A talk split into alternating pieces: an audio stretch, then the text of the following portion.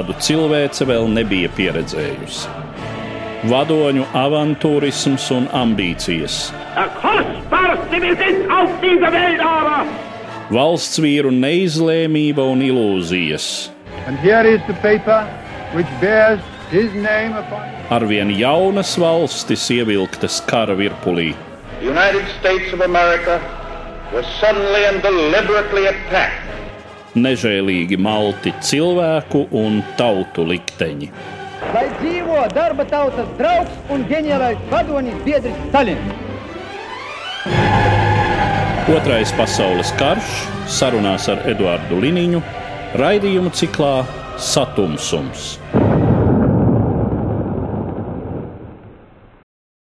Labdien, cienījamie klausītāji! Šogad paiet 75 gadi kopš noslēdzās Otrais pasaules karš. Kara norises detalizēti aplūkoju raidījumu ciklā Satumsums, kas izskanēja ēterā no 2009. līdz 2015. gadam. Tagad piedāvāju jūsu uzmanībai raidījumu virkni ar šī cikla fragmentiem. Šodien par norisēm Latvijā 1940. gada otrajā pusē, kad staļiniskais okupācijas režīms ķērās pie Latvijas neatkarības iznīcināšanas un sabiedrības sovietizācijas. Pirmais solis tūdaļ pēc okupācijas bija jauna ministru kabineta izveide ar mikrobiologu profesoru Augustu Kirchensteinu priekšgalā 1940. gada 20. jūnijā. Stāsta vēsturniece Rīgas Stradiņa Universitātes asociētā profesore Daina Blējere. Runājot par Kirchsteina valdību, faktiski tie visi ir cilvēki, kas vairāk vai mazāk bija establishmenta cilvēki, kuriem Ulmaņa režīma apstākļos patiesībā nemaz neklājās slikti. Tur nav runa par tādiem konsekventiem opozicionāriem. Šos konsekventos opozicionārus, piemēram, kreisos sociāldemokrāti, Višinskis tā arī nepielaida pie varas, lai gan viņi gribēja. Tas ir interesants moments. Lielā mērā Kirchensteins un daudzi tie bija cilvēki, kas bija iesaistīti Latvijas un Padomju Savienības kultūras biedrībā, kas kaut kādā veidā bija propadomiski orientēti tādu vai citādu, acīm redzot, ideoloģisku apstākļu dēļ. Teiksim, Kirchensteins vispār nebija politiska figūra, stingri ņemot, un nebija arī pārliecīgi labi pazīstams plašākā sabiedrībā. Nu, viņš bija profesors, ar vitamīniem nodarbojās tam līdzīgi, bet patiesībā visā šajā jaunajā valdībā teiksim, tādas plašāk pazīstamas politiskas figūras, protams, bija vairāk kārt bijušais tieslietu ministrs Juris Pabērs, par kur gan Ulmanis izsakās visai tā negatīvi pozitīvi, ka viņš uzdzīvošanas dēļ ir iekūlies lielos parādos. Karaministrs Roberts Dambīts, kurš, starp citu, arī Ulmanis ļoti negatīvi raksturo savās liecībās kas tika rakstīts pēc čekas pieprasījuma jau trimdā par to, ka viņš ir cilvēks, kurš savus uzskatus maina atkarībā no interesēm. Vilis Lācis bija pazīstams kā populāru romānu rakstnieks, pārējie bija nepārāk pazīstams figūras. Katrā ziņā tie nebija politiskas figūras, bet tie bija cilvēki, kas kaut kādā veidā jau iepriekš bija saistīti ar padomju sūtniecību, ar draudzības biedrību un tam līdzīgi, kas bija jau atradušies padomju ietekmes orbītā. Par sabiedrības piekrišanu un atbalstu pārmaiņām bija jāliecina plašajām masu demonstrācijām, kuras centīgi un ar vērienu organizēja okupācijas režīms. Turpina Daina Blējere. Daudzi fakti liecina, ka patiesībā šis atbalsts Padomju Savienībai un komunistiski noskaņotā sabiedrības daļa patiesībā bija ļoti neliela. No otras puses ir fakts, ka demonstrācijas patiešām bija masveidīgas. Kā var panākt, principā valstī, kura ir oficiāli vēl it kā ir suverēna valsts, kura oficiāli darbojās visas iepriekšējās varas struktūras, lai gan to vadība ir nomainīta, kā var panākt to, ka cilvēki dodas tik masveidīgi demonstrācijās?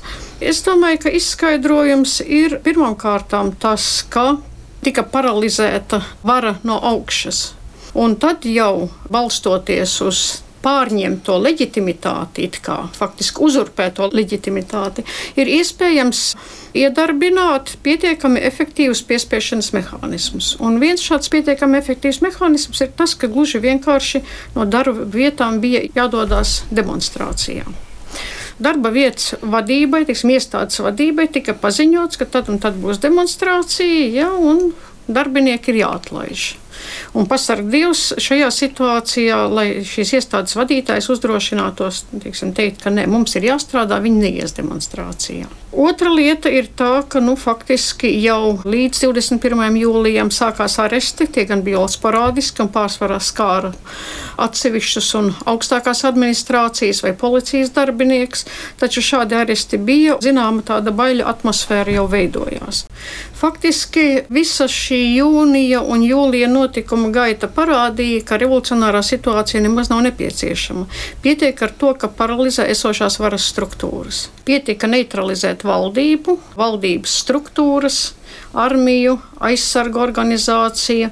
Faktiski pietika ministru kabinetu neutralizēt. Un jau Padomu Savienība ļoti viegli varēja kontrolēt situāciju. Protams, ja būtu demokrātiska iekārta, ja būtu darbojušās politiskās partijas, noteikti būtu bijis grūtāk kaut kādā veidā neutralizēt šo politisko eliti. Un es domāju, ka šeit pats galvenais moments ir tieši tas, ka pietiek neutralizēt politisko eliti, sabiedrībai vairs nav īstas vadības, ko darīt kā pretoties, kā darīt. Patiesībā sabiedrība ļoti stipri tomēr tajā laikā uzticējās valdībai. Sabiedrība nebija tik ciniska kā teiksim, mūsdienās. Varbūt. Toreiz cilvēki ļoti pakļāvās tomēr tam, ko valdība saka. Un tas ir redzams, varbūt tieši tāpēc arī šī pretošanās tā sāka organizēties tikai kaut kad uz 40. E, gada rudeni, kad cilvēki saprata, ka viss ir viņu pašu rokās. Par Kirchensteina valdības organizēto Latvijas valstiskuma demontāžas procesu pirmajos okupācijas mēnešos stāsta vēsturnieks Latvijas Universitātes Vēstures institūta pētnieks Artūrs Žvinklis saglabājās ļoti lielā tautas daļā Latvijā cerības un ilūzijas, ka, lai arī šeit ir ievests ārvalsts karaspēks, tātad padomju karaspēks, lai arī šeit būs kāda cita politika, būs kāda cita valdība, tad tomēr vēl cerēja, ka kaut padomju savienības kontrolē, bet varētu saglabāties nu, vismaz nomināla pastāvība pat Latvijas republika, un sākotnēji tiešām likās, ka šīs cerības piepildās valdībā bija vesela rinda ļoti populāru, pazīstamu personu. Sāksim ar rakstniekiem Vili Lāci, rakstnieku Jūliju Lāci tas vien jau deva it kā cerības, ka šī ir nu, vismaz tautā populāra cilvēku valdība, nu, vai viņi rīkosies gluži pret tautas interesēm un tās nerespektēs. Kaut kur it kā ēnā arī palika Višinskis, palika PSRS sūtniecība. Turklāt jau savā pirmajā deklarācijā jaunā valdība, tas jau 1940. gada 21. jūnijā apsolīja, ka valdība rūpēsies, lai pilnībā realizētos Latvijas republikā satversme pēc tautas īstenās gribas. Iespējams, ka redzams, kāds pamanīja vienu mazu īpatnību jau pie jaunās valdības izveidošanas. Nekad, ne pie Ulmaņa, ne vēl vairāk demokrātiskās Latvijas posmā, valdībā, kā pilntiesīgs ministru kabineta loceklis, nebija ietilpināts iekšlietu ministra biedra amatā politiskās policijas priekšnieks. Tas bija kas jauns. Pēc tam iestājās klusums, un šis klusums pārtrūka 1940. gada 4. jūlijā, kad Kirchensteina ministru kabinets nāca klajā ar ļoti skaļu paziņojumu, lēmumu par to, ka jārīko jaunas saimas vēlēšanas. Satversme it kā saskaņā ar šo lēmumu Latvijā atkal darbojās. Tātad pašā šai lēmumā bija atsauce uz to, ka nekavējoties jāizdara saimnes vēlēšanas saskaņā ar Latvijas Republikas satversmes sesto pantu vispārējais, vienlīdzīgs, tiešs, aizklāts un proporcionāls balsošanas ceļā. Rīkošanās sākās trieciena tempos. Tūdaļ pat noteica, ka vēlēšanas rīkojams jau 14. un 15. jūlijā. Tas nozīmē, ka visu vēlēšanas sagatavošanas procesam tiek atstātas desmit dienas.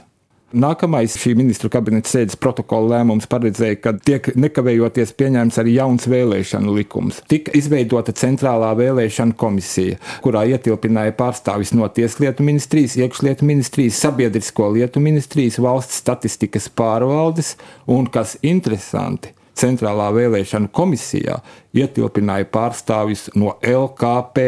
Lūk, partija, kas nolēmusi piedalīties vēlēšanās, vadīs šo vēlēšanu procesu. Vēl interesants ir 18. protokola lēmuma punkts. Formāli neatkarīgās Latvijas Republikas valdība nolemj uzdot visām valsts un pašvaldības iestādēm iegādāties PSRS valsts karogu.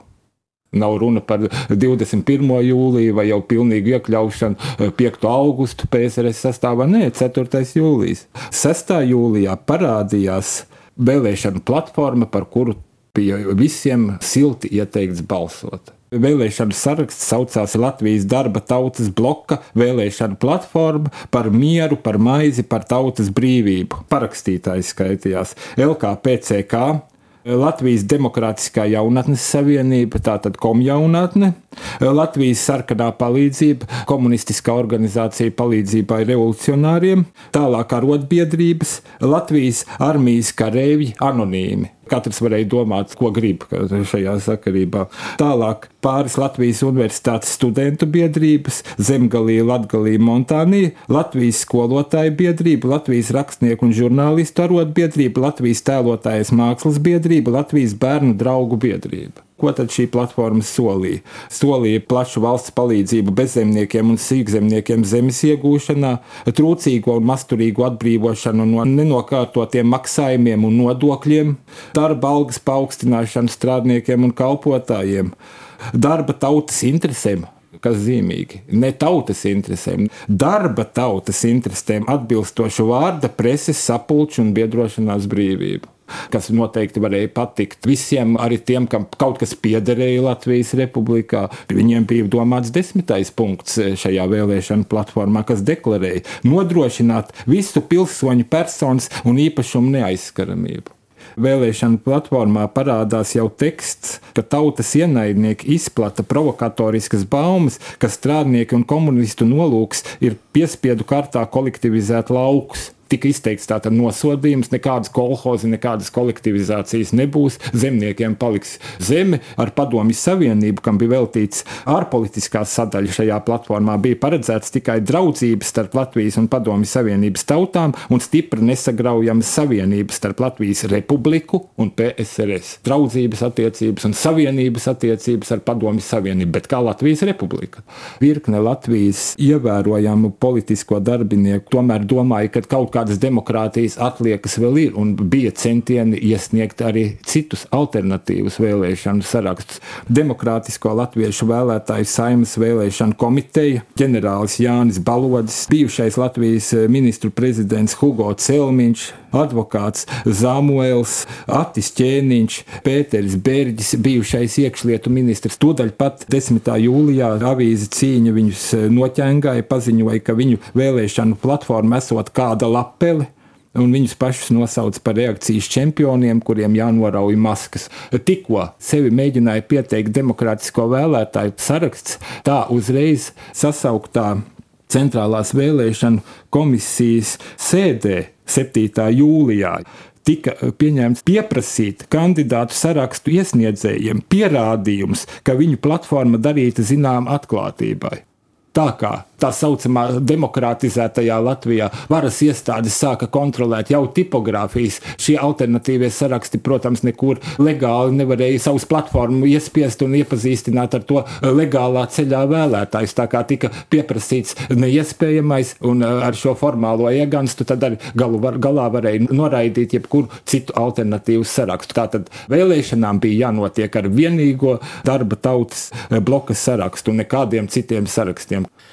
Tāda veida vēlēšanas Latvija vēl nebija pieredzējusi ne tikai tā ziņā, ka bija bezalternatīva izvēle, jeb tikai balsošana par vienu vienīgu sarakstu, bet otra lieta, kad Latvijā vēl nebija vērojamas ainas, kad uz vēlēšanām ierodas organizētas grupas ar orķestriem priekšgalā. Tātad cilvēki sapulcināti kolonnā, tiek vesti uz vēlēšanām, cilvēki iesēdināti mašīnās, mašīnu kolonnā tiek vesti uz vēlēšanām. Tas viss tiek filmēts, daudzināts, publicēts attēli presē, ar urnām nāk uz slimnīcām neaicināti, neizsaukti speciāli, bet vienkārši nāk oficiālā statistika. Vēlēšanās piedalījās 94,7%. Par darba tautas bloku nodots 1 151 730 balsis, jeb 97,6%.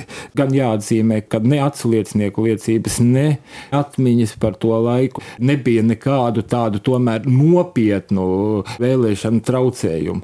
Jāņem vērā vēl viens moments par spiedogu pasē, viņš tagad tomēr ieguva citu jēgu. tā vairs nebija primārā jēga nodrošināt, lai cilvēks otrais neiet balsot. Šai gadījumā tas jau bija zīmoks par lojalitāti.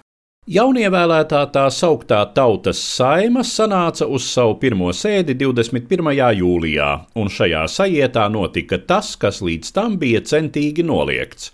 Deputāti vienbalsīgi un ar sajūsmu pasludināja Latviju par padomju republiku un lēma lūgt to uzņemt padomju savienības sastāvā. Tajā pašā dienā bijušais vadonis Kārlis Ulmanis oficiāli atkāpās no valsts prezidenta amata, nākamajā dienā tika arestēts un izsūtīts uz Krieviju. Šodien var šķist pat paradoxāli, ka starp todienu Nacionālajā teātrī sanākušajiem neatradās neviens, kuram būtu bijis kas iebilstams pret savas suverēnās valsts iznīcināšanu. Turpina Daina Blējere. Patiešām saimas sēdes laikā nebija nevienas balss pret, atturās un tam līdzīgi. Viss noritēja apbrīnojamā vienprātībā. Kāpēc tas tā bija? Man pat grūti pateikt. Es pieļauju, ka kaut kādā ziņā tā atmosfēra, kas bija tās sēdes laikā, ka tā nekādā ziņā nerosināja vispār kaut kādu, nu, teiksim, vēlēšanos piecelties kājās vai kaut ko teikt un tam līdzīgi.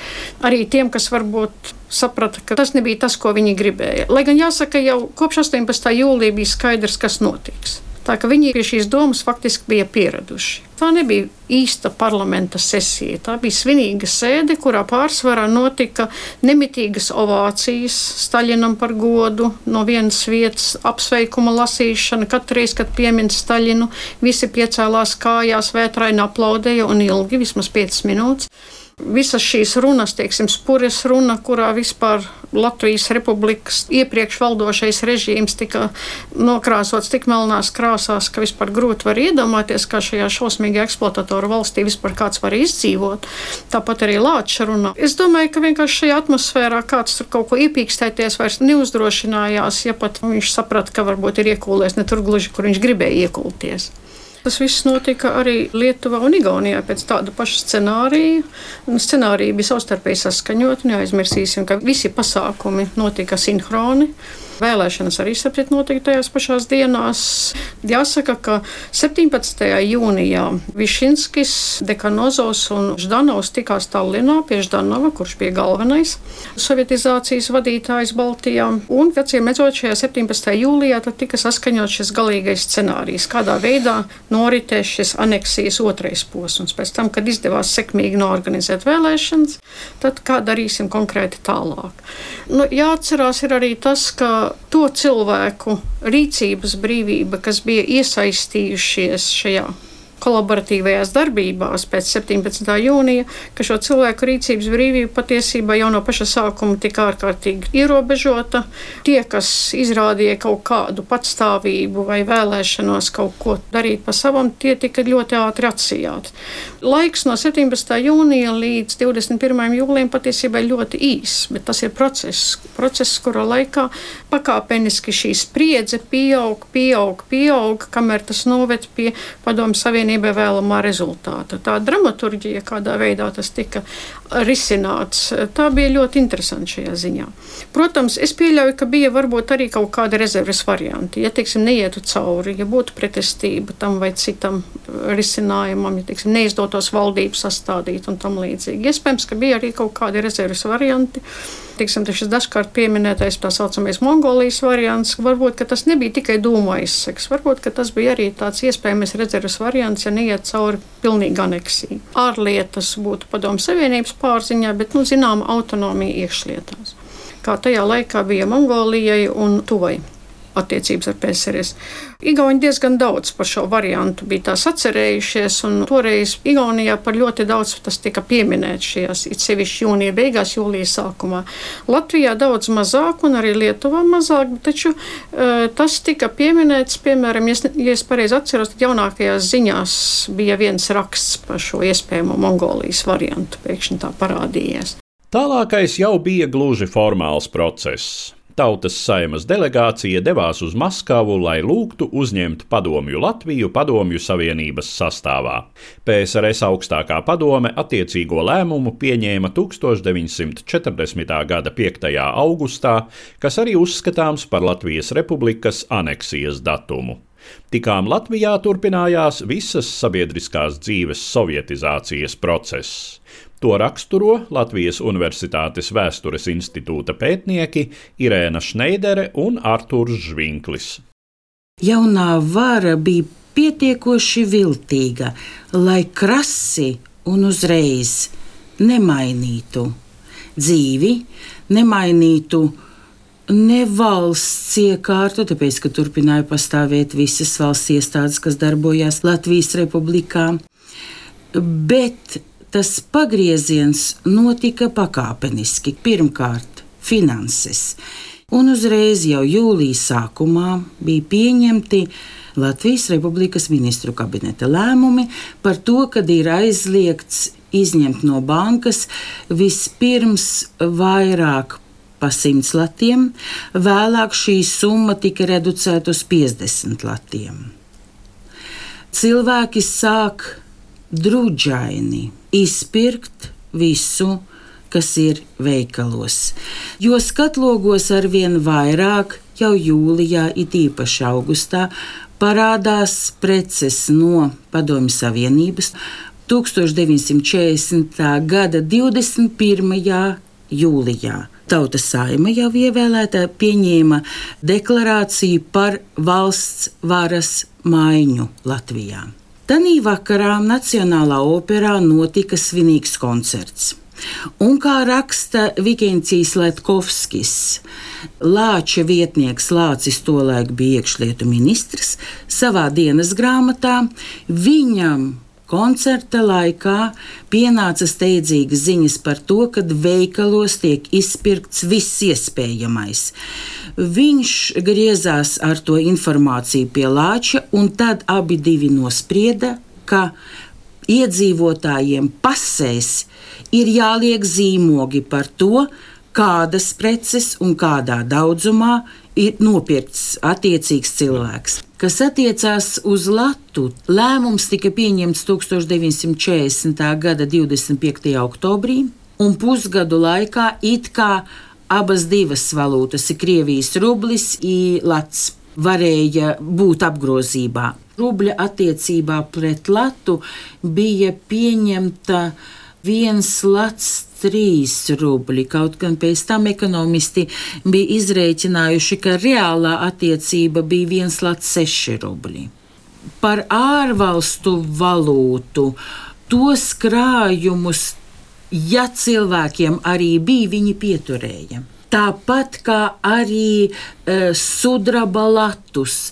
Pēc tam, kad 1941. gada uh, marta beigās beidzās apmaiņa, cilvēkiem uz rokas palika ļoti liels skaits Latvijas sudraba naudas, kas, protams, uztrauca valdību.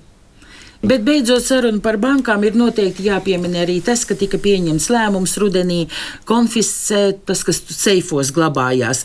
Bet eh, Latvijas republikā bija pieņemts, ka mm, turīgi cilvēki savas dārglietas, vērts papīrus eh, glabāja banku seifos, un to visu vienkārši konfiscēja. 21. jūlijā deklarācijas par eh, lielo rūpniecības uzņēmumu nacionalizāciju, par zemes nacionalizāciju nacionalizācija, tātad e, visa ražošanas līdzekļu nacionalizācija paziņot ar šīm deklarācijām, uz kuru pamata attiecīgi pēc tam ministru kabinets pieņēma e, jau e, likumus balstoties uz nu, šīm deklarācijām, un tas nozīmē tieši nacionalizāciju, atsavināšanu, atdošanu faktiski valsts īpašumā. Zemnieks kļuva tikai par zemes lietotāju šajā gadījumā, un nozīmē, ka īpašums, kas it kā tika tika deklarēts par tautas īpašumu, faktiski ir padomju valsts īpašums.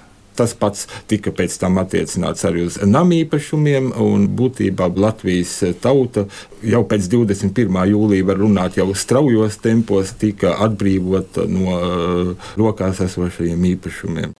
Neatņemama okupācijas režīma sastāvdaļa bija represijas pret potenciālajiem jaunās varas pretiniekiem. Sākumā gan šīs represijas vēl bija samērā mazskaitlīgas un plašai sabiedrībai nesevišķi pamanāmas. Politiska rakstura represijas sākās 21. jūnijā 1940. gadā līdz ar Kirchensteina valdības nodibināšanu. Pirmie upuri, ja tā var teikt, bija tiem, kuri jau sēdēja cietumos, tā sakot, ulmaņa laikos. Tie bija pērkoņkrustieši, kurus pēc amnestijas likuma it kā vajadzētu atbrīvot no cietuma, jo tie bija politiskie ieslodzītie. Bet viņus neatbrīvoja. Un vēl dažādu krievu organizāciju locekļi, kuri bija arestēti jau 40. gadā, aprīlī, maijā. Viņi tika izlaisti, arestēti no jauna jūnija pēdējās dienās. Jūlijas tad seko represijas pret bijušiem policijas darbiniekiem, īpaši politiskās policijas darbiniekiem, pret uh, cietuma resora darbiniekiem, sabiedrisko organizāciju vadītājiem, es tā teiktu tieši par šo pašu pirmo, pirmo periodu, no 1940. gada jūnija līdz augustam, ir apzināts, ka kopējais arestēto skaits ir 466 personas. Vislielākā arestēto grupa izrādās tieši politiskās policijas darbinieki un vēl vairāk politiskās policijas aģenti. Tiek apcietināti 40 politiskās policijas štata darbinieki un 86 politiskās policijas aģenti vai ziņotāji. Tā jau ir atriebes akcija par to, ka lūk, viņi ir cīnījušies pret revolucionāro strādnieku un komunistisko kustību. Tam precīzi atbilda ar atpakaļejošu datumu spēkā ievestais Krievijas Padomju Federatīvās Socialistiskās Republikas krimināla kodeksa 58. panta 13. punkts, kas paredzēja sodu par cīņu pret revolucionāro strādnieku un komunistisko kustību ļoti bargs un nežēlīgs pāns. No 40 politiskās policijas darbiniekiem vēlāk 21 piespriests nāves sots, no 86 politiskās policijas aģentiem attiecīgi 44 nāves sodi. Tā tad eh, puse. Vēl viena ļoti daudzskaitlīga grupa - tie ir aizsargi. Pati piederība aizsargu organizācijai bija pietiekoši, lai vismaz iedot cilvēkam piecus gadus PSRS koncentrācijas nometnēs. Bet sākās viss ar to, kad 7. jūlijā tika pieņemts un Ulmans parakstīja man šie 12. vai 13. jūlijā lēmumu par aizsargu organizācijas likvidāciju, un uzreiz tika pārņemti visi arhīvi. Jau septembrī jaunizveidotajam Latvijas Padomju Socialistiskās Republikas iekšlietu tautas komisariāta rīcībā bija pilni aizsarga organizācijas saraksti, ne tikai biedru, bet vadītāju attiecīgi, apriņķos, pagastos un tā tālāk. Un pakāpeniski sākās eh, aizsargu organizācijas biedru aresti, un ja mēs paskatāmies uz uh, 41. gada 14. jūnija deportācija, tur bija ļoti daudz aizsargu organizācijas biedru. Kā zināms, pirmajos okupācijas mēnešos nebija te nekādas pretestības jaunās varas akcijām. Pirmās organizētās pretošanās pazīmes parādījās 1940. gada rudenī. Pirmās pretpadomju organizācijas tās ir jauniešu organizācijas pārsvarā. 1940. gada rudens kad sākās mācību gads, kad sanāk kopā vecāko klašu skolnieki, studenti, sāk veidoties varbūt ļoti neprasmīgi, bet eh, pagrīdes organizācijas, kuru mērķis ir pretoties pastāvošai varai, kuriem ir savi statūti, sastāvs tāds konkrēts ar kaut kādām šūniņām, ar vadītājiem, ar attiecīgu struktūru. Nu, un vēl attiecīgi, protams, 1940. gada 18. novembra pieminēšana kas bija ļoti izteikta tieši tautas vidū, kas bija pamanāma kapu apmeklējumi šajā datumā, kas bija ļoti izteikti. Ziedu likšana pie valsts darbinieku kapa vietām nevelti brīvības piemineklis sāka pārvērsties par aizliegto zonu. Bet represīvās iestādes arī gatavojās 18. novembram un tika veikti preventīvie pasākumi. Jēlgavā lauksaimniecības akadēmijā tika arestēta jauniešu grupa, kura organizēta gatavojās braukt uz Rīgu un noliegt ziedus pie brīvības pieminekļa. Līdz ar to izskan šodienas raidījums, kurā atspoguļoju Latvijas valstiskuma iznīcināšanas un dzīves sovietizācijas procesus 1940. gadā. Raidījumā dzirdējāt vēsturniekus Rīgas Stradiņa Universitātes asociēto profesori Dainu Blējeri un Latvijas Universitātes Vēstures institūta pētniekus Irēnu Šneideri un Artūru Žvinkli. Uz redzēšanos, cienījamie klausītāji!